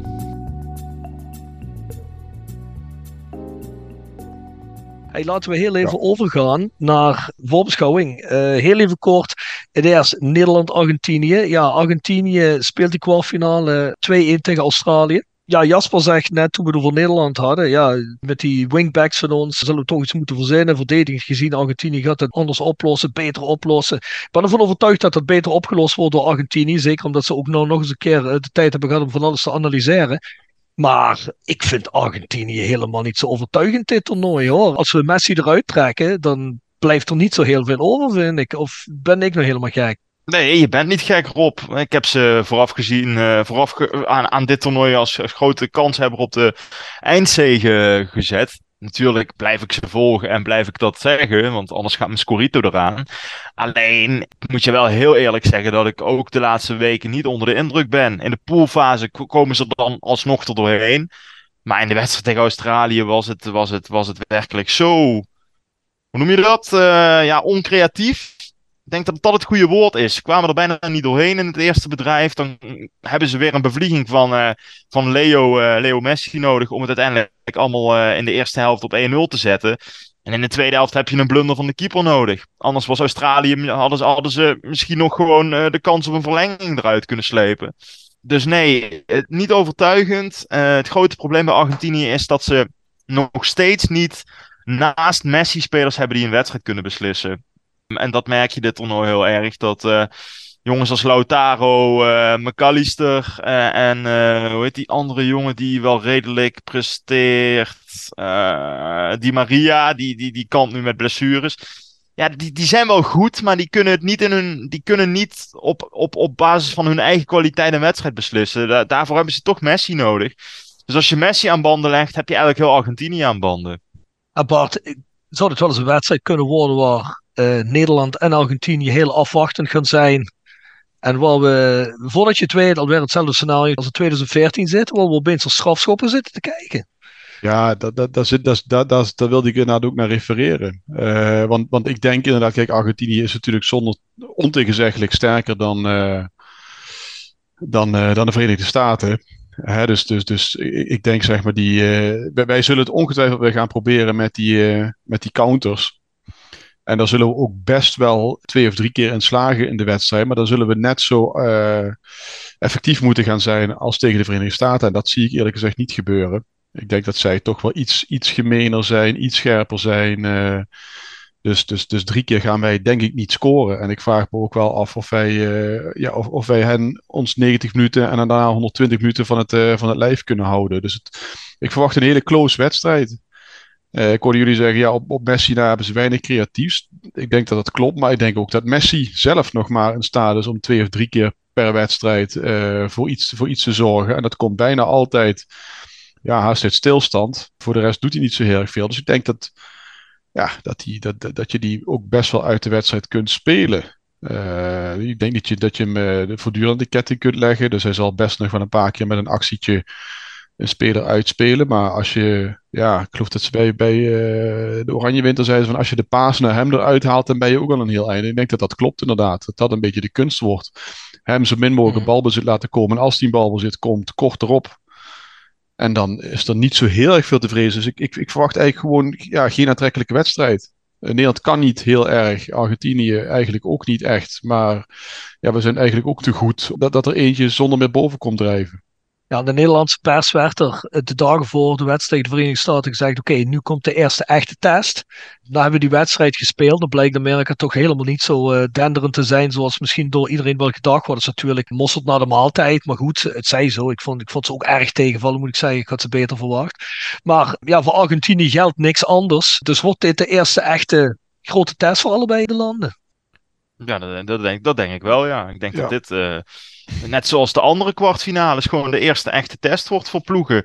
De achtste finales is de favoriet tegen de underdog. Uh, nou, daar is nu geen sprake van. Uh, het is 50-50. Net zoals dat Frankrijk-Engeland 50-50 is. net zoals dat Brazilië-Kroatië misschien niet 50-50, wow. maar 60-40 is, zeg maar. Um, Spanje-Portugal worden is ook 50-50. Ja, exact man. Het gaat erom liggen van hoe, hoe kan Nederland uh, Messi aan banden leggen. En vervolgens kunnen ze, uh, want Argentinië zal hetzelfde proberen met Dumfries en met Blind. Hoe, wie is het slimste? Wie, wie, wie gaat met een tactische omzetting de wedstrijd naar zijn hand zetten? En ik denk dan toch dat Louis van Gaal daarin meer het oog heeft dan Scaloni van Argentinië. Dus... Uh, het lijkt wel dat Louis van Gaal alweer net zoals in 2014 naar zijn materiaal heeft gekeken en heel lang heeft gedokterd. Dat je toch eigenlijk op de een of andere bizarre manier, of je die man nou goed vindt of niet goed vindt, dat hij altijd wel een oplossing weet te vinden waar hij in ieder geval aan de slag kan met wat hij in zijn bak heeft aan capaciteiten. Ja, dus ik ga er eigenlijk wel een beetje uh, vanuit dat hij net als in 2014, want dat was eigenlijk een loterij, die, die, die, die strafschoppenserie, dat hij hier ook wel weer een oplossing voor weet te vinden om in ieder geval niet te verliezen. Bart, doe ze gooien naar een uitslag. Ik, ik denk dat het op strafschoppen aankomt weer. Ik denk 0-0 of 1-1. Laten we zeggen 1-1. En wie gaat er, en wie gaat er nog strafschoppen halen? Ja, ik denk dat we de revanche gaan pakken. Dat we naar strafschoppen doorgaan. Danny, Lijkt wel uh, Nederland, hè Bart? Uh. No, noppert, hè? Dat, uh... Ja? Ja, ja, ja. Jasper? Nee, ik ga uit van een, uh, van een uh, vergelijkbaar scenario als 98 en dan een 2-1 zege voor Nederland. Oeh, La laatste minuut? Ja, dat zou natuurlijk eerlijk zijn. Waarom niet? Het zou zomaar kunnen. Ja. En wie is dan onze Dennis Bergkamp in uh, 2022? Onze Dennis Bergkamp. En dan denk ik toch dat dat maar voor één iemand is weggelegd. En dat is dan toch uh, Memphis Depay. Ja. Hij deed zoveel gekke dingen tegen Spanje waaruit bleek dat hij zoiets had van ja, ik ben duidelijk de man in dit elftal. Dat ik het hem bijna weer niet meer gun. Maar ja, ik ga, ik ga eigenlijk het meeste mee met Bart. Want ik ben bang voor dat ik denk op het einde, ik heb 90 minuten of 120 minuten van mijn leven hier weggegooid. Ondertussen ook nog grijze haren ervan gekregen. Want ik denk dat het een schaakspel wordt uh, op hoog niveau. En um, ik denk dat we allebei gaan scoren. Ja, wat moet ik nou voor kiezen? Noppert de grote held of uiteindelijk dat heel Nederland gaat zeggen? Dus je nam hem mee voor strafschoppen en dit is wat je krijgt nu, dat we verliezen met strafschoppen. Dus ja, Weet je wat, ik, ik ga met Bart mee. Want we, we, we, willen, we willen natuurlijk wel nog uh, heel even kunnen hebben over een halve finale van Nederland de volgende keer. Dus uh, laat ik dat maar doen. 1-1 en, uh, en strafschoppen. Maar ja, wedstrijden tegen Argentinië zijn in ieder geval nooit gemakkelijk. Dat zijn, het zijn altijd trillers. Maar nee, heel even voordat we verder gaan. Er is zo'n ene finale die op dit moment niet bekend is, omdat de wedstrijden morgen worden spelen. Marokko tegen nou. Spanje, Portugal tegen Zwitserland. Jullie zeggen wel zo gemakkelijk Portugal-Spanje. Maar ik zie het met hetzelfde gemak gewoon Marokko-Zwitserland worden hoor. Ik vind die Ja, dat Ja, net als die. Kroaten, vind ik ook een elftal wat al heel veel kampioenschappen meegaat. Het zijn geen topspelers. Hè? Mhm. Maar eh, die voetballen ook allemaal in hoge competities, eh, of bekende competities, grote competities in Europa. En eh, ja, doen het elk, elk WK en EK komen ze eigenlijk toch verder als je denkt.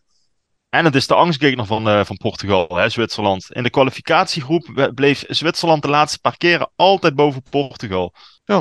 Dat wist ik niet. Ik Dat ben is, dus benieuwd. Eh, dat, is, dat is denk ik wel de meest close hoor. Want Spanje en Marokko, eh, waar we net over hadden, hebben over gehad. Hè. Dat is ook nog geen uitgemaakte zaak. Maar ja, goed. We vullen het eventjes zo in. Ja. Maar inderdaad. Heel even snel. Landen die we volgen. Ja, Brazilië zit er nog in, Bart. En natuurlijk wij- wij- ook. En Wij, wij zitten voortdurend op te nemen. Als, als Brazilië speelt, wel overigens net een schitterend doelpunt van Korea. 4-1. Gaat natuurlijk niks Oh. meer veranderen, maar. Hey, maar heel even snel, Bart. Als jij nou moet zeggen wat je van Brazilië verwacht nog dit toernooi. eh, verwacht je die, eh, die gasten zo meteen gewoon de halve finale en de finale halen? Of, of zeg Ja, je... ik, ik, ik denk inderdaad dat die wel van Kroatië gaan winnen. En ik denk dat ze ook van Nederland of Argentinië winnen. Dus de finale sowieso. Ja, dan eh, aan de andere kant van het schema, eh, daar zitten allemaal ploegen. Dat, dat is voor mij echt 50-50. Dat, eh, daar is niks van te zeggen. Maar ik denk wel dat ze aan deze kant van het schema favoriet zijn. Maans in Denemarken is eruit. Canada is er ook Ja. uit. Het enige wat ik daar nog over kan zeggen is wat Bart eigenlijk net over Amerika heeft gezegd. Dat ik wel eens wil zien waar ze met die jonge ploeg over vier jaar staan. Ze zijn denk ik een van de verrassingen geweest van het WK. Hebben iedereen, eh, zeker in die eerste wedstrijd, heel positief verrast. Hadden ze ook eigenlijk wel mogen winnen. Maar eh, ja, da- daar hou ik het op. Dus eh, ik ga het volgende WK ga ik weer Canada volgen. Jasper, Argentinië, heel even kort, want we hebben net eigenlijk al uitgebreid over Argentinië gehad. Verwacht jij dat ze, mochten ze de hoorde Nederland nemen, dat ze dan waarschijnlijk tegen Brazilië of tegen Kroatië inderdaad nog eh, richting finale gaan? Tegen Kroatië wel, tegen Brazilië geen schijn van kans, in mijn optiek. Nee? Nee, ik denk, dat, ik denk dat Brazilië eh, vaststaat in de finale, inderdaad. En ik denk dan dat eh, Frankrijk aan de andere kant eh, erbij komt. Maar Dus, dus, dan, dan dus moeten dan kunnen we eigenlijk gewoon naar huis. Dus dan hoeven we eigenlijk eh, vrijdag helemaal niet te voetballen. Nou ja, het zou natuurlijk fantastisch zijn als we in de halve finale Brazilië, net zoals in 98, nu wel kunnen pakken. Want toen ging het mis in de halve finale. Dus de route is hetzelfde. Laten we hem dan nu maar wel pakken. Maar ik denk in, in de meeste gevallen dat Brazilië gewoon te sterk is. Ja. De analyse. Heracles Almelo. Zondagmiddag gaat de KKD na drie weken pauze weer van start. Met de wedstrijd Rode JC Heracles Almelo staat maar gelijk een zeer interessant affiche op het programma. Een eredivisiewedstrijd op een eredivisie tijdstip op zondagmiddag om half drie in de KKD. Waar voor Rode JC de periode voor de break er een was met louter teleurstelling, daar kende de Herakliden een ongewoon makkelijk begin van het seizoen. De laatste jaren was er namelijk een trend waarneembaar dat de degradanten het stevast in de eerste weken erg lastig hadden. Niets van dat al in Almelo. Onder leiding van technisch directeur Nico-Jan Hoogma werden er een aantal sterkhouders van weleer teruggehaald. Thomas Bruns en Marko Vujinovic moesten samen met die andere routiniers, Samuel Almenteros en Justin Hoogma, de Herakliden weer binnen een jaar terugleiden naar de eredivisie. En dat ging tot nu toe voortvarend. Heracles verloor alleen van Jong Ajax, PEC Zwolle en Almere City en staat met twee punten voorsprong op naast de belager PEC Zwolle op een keurige eerste plaats met 37 punten. Daarnaast werd er in het eigen Erva Acito nog niet verloren en bijna alles gewonnen. Dit komt mede door het gouden duo Emil Hansson en Nicolai Lauwersen. De Deen en de Zweed zorgen voor Scandinavische creativiteit, assists en een stortvloed aan doelpunten. Tel daarbij op dat John Lammers over een uiterst brede bank kan beschikken en je komt al snel tot de conclusie dat Heracles Almelo titelkandidaat nummer 1 is in de KKD. De ploeg opereert in een klassieke 4-3-3 formatie en probeert elke tegenstander met dominant voetbal haar wil op te leggen. De wedstrijd staat gepland om half drie op zondagmiddag 11 december in het Parkstad Limburg Stadion.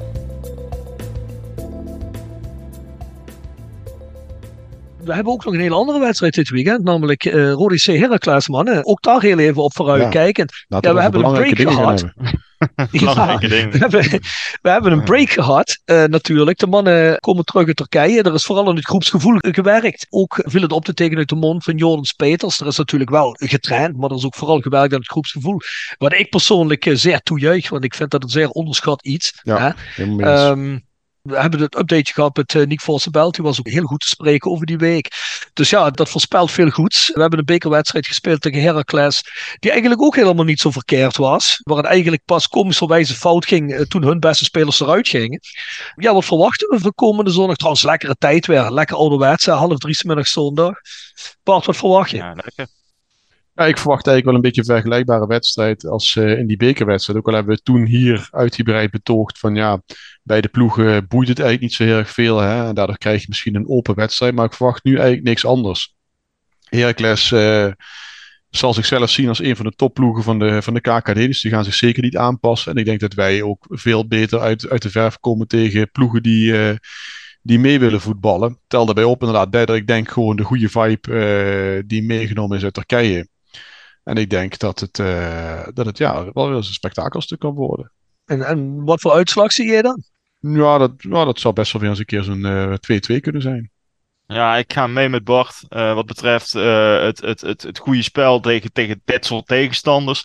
Roda is tegen dit soort ploegen gewoon eh, een heel stuk vrijer, denk ik, dan tegen de top Ossen en de Helmonds van deze wereld. Daarnaast krijg je niet een ploeg die met, met hun kont in de eigen 16 blijft hangen. En ik denk dat dat mee gaat spelen, dat, dat Roda wel degelijk hun eigen spel kan spelen. Ik heb de oefenwedstrijd tegen Wigan, heb ik de samenvatting van gezien. Die was niet al te best, maar daar werd wel eh, strijd geleverd tegen een Engelse championship ploeg. Is ook gewoon prima. Eh, je wint er uiteindelijk van. Nu boeit dat niet zo heel veel. Ik vond het belangrijk dat de strijd geleverd werd. En ik denk dat, dat als je dat meeneemt, inclusief de goede vibe uit, eh, uit Turkije, dan eh, zou het zomaar hier een keer een 3-1 voor Roda kunnen worden. Kijk eens aan. Hmm. Ik, ik vind die dat Jasper erg positief, eh, Rob. Jij ook? Ah, ik vind hem enorm positief Dus, geworden. eh, want er ja. zijn ook momenten geweest. Daar, daar had je het gevoel Nou, ik- dat hij een moordaanslag voorbereid op Jurgen Streppel. Ja, en ik- dergelijke. ik- Ik, ik, ik, ik, ik hou me alweer vast voor het commentaar op de app na deze eh, hele positieve Ik voorbeschouwing. moet jullie wel echt eerlijk zeggen, dat WK, eh, dat heeft mij wel een heel klein beetje de, de kop leeg gemaakt hoor, wat betreft Roda. Dat, eh, ja, ik weet niet, het voelt toch alweer een er beetje weer als, zin als- in. Ja, het voelt echt weer een beetje als een frisse start. Ja. Ik, heb er, ja, ik heb er inderdaad wel echt even weer lekker eh, wel zin in, ja. Ja, na, na, En na, dan twee, zondagmiddag na, na, half twee, na twee wedstrijden erger hebben we weer een break. Dan kun je weer... eh, Nou, precies. Ja. Dat is ideaal, want dan kun je nu maar beter Heracles en Pek gehad hebben. Dan heb je daar tenminste weer vakantie, snap je? Dus eh, precies, precies. nee, ja, nee, ik heb er echt inderdaad Ja, wel weer zin in, ja. Ja. Ik vraag me wel eens af, als ik naar het Nederlands elftal zit te kijken, hè, of, of Jurgen Streppel en Louis van Gaal die de keer met elkaar moeten bellen. Want ik, ik, ik zie soms precies dezelfde, dezelfde dingen verschijnen. Als, als elftal op de bus parkeert, dan komen ze er niet zo heel goed uit. Is het voetbal slecht. Als er dan bepaalde mensen niet in vorm zijn, komt er ook eh, heel weinig van terecht. Berust het puur op toeval dat er iets in gaat. En als een ploeg wat meer voetbalt, ja, dan ziet het ook eh, weer allemaal gestructureerder uit en dan gaat het weer allemaal. Dus ja, eh, ik weet niet of misschien moet, moet, moet Nou, Jurgen zich altijd van die, die. Lou moest steken, hè? Dan is, dan is, dan is En, al, het, al, al, het ego is wel eh, uit de zaal als die twee bij elkaar zitten, moet ik eerlijk Mhm. zeggen. Dan denk ik wel dat we wat Maar kijk, hè, zelfvertrouwen dat alles, eh, alles op opgezogen is door die twee. Ja, maar kijk, ik bedoel, eh, Louis heeft tot nu toe eh, 10 punten van de 12 gehaald. Als we even omrekenen naar punten. Ja. Ja, en dat, dat kan Roda de laatste weken niet zeggen. Dus misschien hè, moeten we toch Zo- eens zo- een keer zo- wat ja. meer, wat meer gaan voetballen naar het materiaal wat we hebben, toch? Zou Streppel ook tegen Van Gaal zeggen, ik zie dat anders, als hij hem een advies geeft? Ja, dat, Ja. dat, dat, dat vermoed ik niet. Eh, Dat niet. vermoed ik niet. Gaat hij misschien toch zeggen, we zijn de beste van, eh, van Limburg dan dadelijk. Was dat maar waar? Dat, dat duurt nog even, maar dat komt goed. Nou ja, goed. Ik ga voor een 2-0 overwinning. Omdat ik, ja, het, wordt, het wordt wel tijd eh, dat, we, dat we van dit soort ploegen gaan winnen. Want van, eh, van de ploegen in de start wonnen we niet. Laten we er inderdaad maar van uitgaan als een ploeg inderdaad zelf wil voetballen. Ook natuurlijk gebaseerd op de bekerwedstrijd. Dat wij ook beter in ons spel komen. Nou ja, ik ga voor een volgende treffer van Dylan Vent in ieder geval. Ik, eh, ik zie het wel zitten. Ik vind vooral de, dat tijdstip weer eens een keer lekker. Gewoon eh, ouderwets, eh, half drie zondags. Ja, Jasper, jij, jij, jij weet dat waarschijnlijk niet, maar vroeger was dat altijd zo. Toen was er alleen maar eredivisie op zondag om half drie. Nou, toen was het eigenlijk niks anders dan een wedstrijd op de zaterdagavond was. dacht je, oh, dit is vreemd. Ja, ik vind Ja, dat is, is, door, is door NAC geïntroduceerd, hè, die zaterdagavondwedstrijden. NAC was de, was de voorloper daarvan, met die, met die, met die lichtmasten in de, aan de, hoe heet die straat? Beatrix, Beatrix. Beatrixstraat, ja precies. En dat- dat- Dus eh, ja, dat is, denk ik, ja, wanneer zal het zijn? Tussen de jaren 80 en 90 is dat eh, omgezet? Nou, nou, Ja, ja, daar begonnen ze ermee. zoiets, Ja. Ja. Ja. Spoorboekje, WK-editie 3 en speelronde 17 KKD. Vanaf vrijdag is het tijd voor een heerlijk veelzijdig voetbalweekend op zowel het WK als in de KKD. Vrijdagmiddag 4 uur treffen de winnaars van Kroatië, Japan en Brazilië-Zuid-Korea elkaar in de kwartfinales van het WK. Waar Kroatië en Brazilië usual suspects waren in de achtste finales, zou een eventuele plaatsing van Zuid-Korea of Japan een stunt van je welste zijn. Beide landen laten dit WK zien over een enorme mentaliteit te beschikken die hen ver heeft gebracht. Vrijdag is het daarnaast tijd voor de kwartfinale Argentinië-Nederland. Een wedstrijd die door bijna iedereen als een ultieme 50-50 pot wordt beschreven.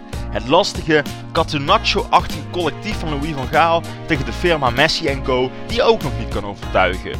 Eén ding is zeker, Oranje zal een rekening willen vereffenen van 2014, toen de Argentijnen na strafschoppen in de halve finale te sterk waren voor Oranje. Uiteindelijk zouden ze in de finale verliezen van Duitsland. Op zaterdag wordt die andere halve finale bepaald. Om 4 uur zal bekend worden of Portugal, Marokko, Spanje of Zwitserland de halve finale kan halen. Tegenstander in die halve finale zal de winnaar van de absolute kraker Frankrijk-Engeland zijn, die om 8 uur gespeeld zal worden op zaterdag. En ook in de KKD is na drie weken pauze de strijd weer begonnen. Op zondag tijd voor een volledige speelronde 17. Met onder andere interessante affiches als Willem II NAC, Rode JC Heracles, de Graafschap FC Eindhoven en het nieuwe ADO Den Haag onder leiding van Dick Advocaat op bezoek bij Almere City. Overige wedstrijden in speelronde 17 van de KKD. De Limburgse tussen aanhalingstekens derby tussen VVV Venlo en MVV. Top Os tegen FC Dordrecht. Telstar tegen FC Den Bosch. Jong Ajax thuis tegen Jong Utrecht. Jong AZ thuis tegen Jong PSV. En we sluiten af met Zwolle in het eigen Mac 3 Park stadion tegen Helmond Sport.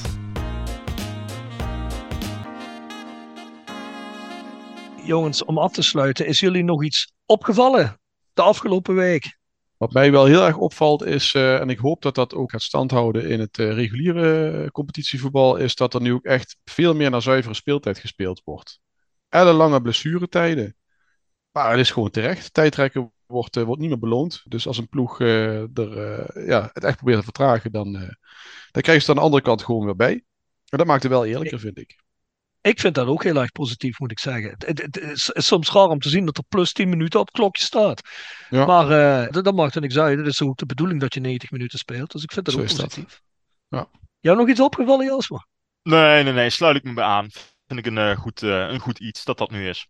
Ja, wat mij op is gevallen eigenlijk, dat ik het WK nog gekunsteler vind dat ik, dat ik eigenlijk gedacht had. Sommige groepen die er staan, lui die, die aangekleed worden, deuntjes die gespeeld worden. Ik, ik, ik vind het nog extremer dan het eigenlijk was. En we weten van Mo dat er ook een mooie kant aan dit WK is. Uh, dat zien we alleen op tv, misschien niet al te veel. Maar dat vind ik eigenlijk wel een beetje jammer, want dat is voor mij toch eigenlijk wel de top van dat voetbal steeds meer gaat naar een vertielmodel dan een echte beleving. En dat vind ik jammer. Dan moet ik wel zeggen dat wat ik wel mooi vind is uh, die Argentinië fans, alle Afrikaanse landen, ook sommige Europese fans die daar zitten en die er toch proberen een beetje echt de WK-vibe aan te geven. Voor de rest vind ik het vooral heel gekunsteld en dat, uh, dat vind ik een beetje jammer. Nou goed, dan zijn we er ook doorheen. Schrijf ons op de voiceofclay.south16.com. Onze website is south16.com. En dan zou ik zeggen, tot de volgende week, nadat het Nederlands elftal en Roda weer gespeeld hebben. Tot dan!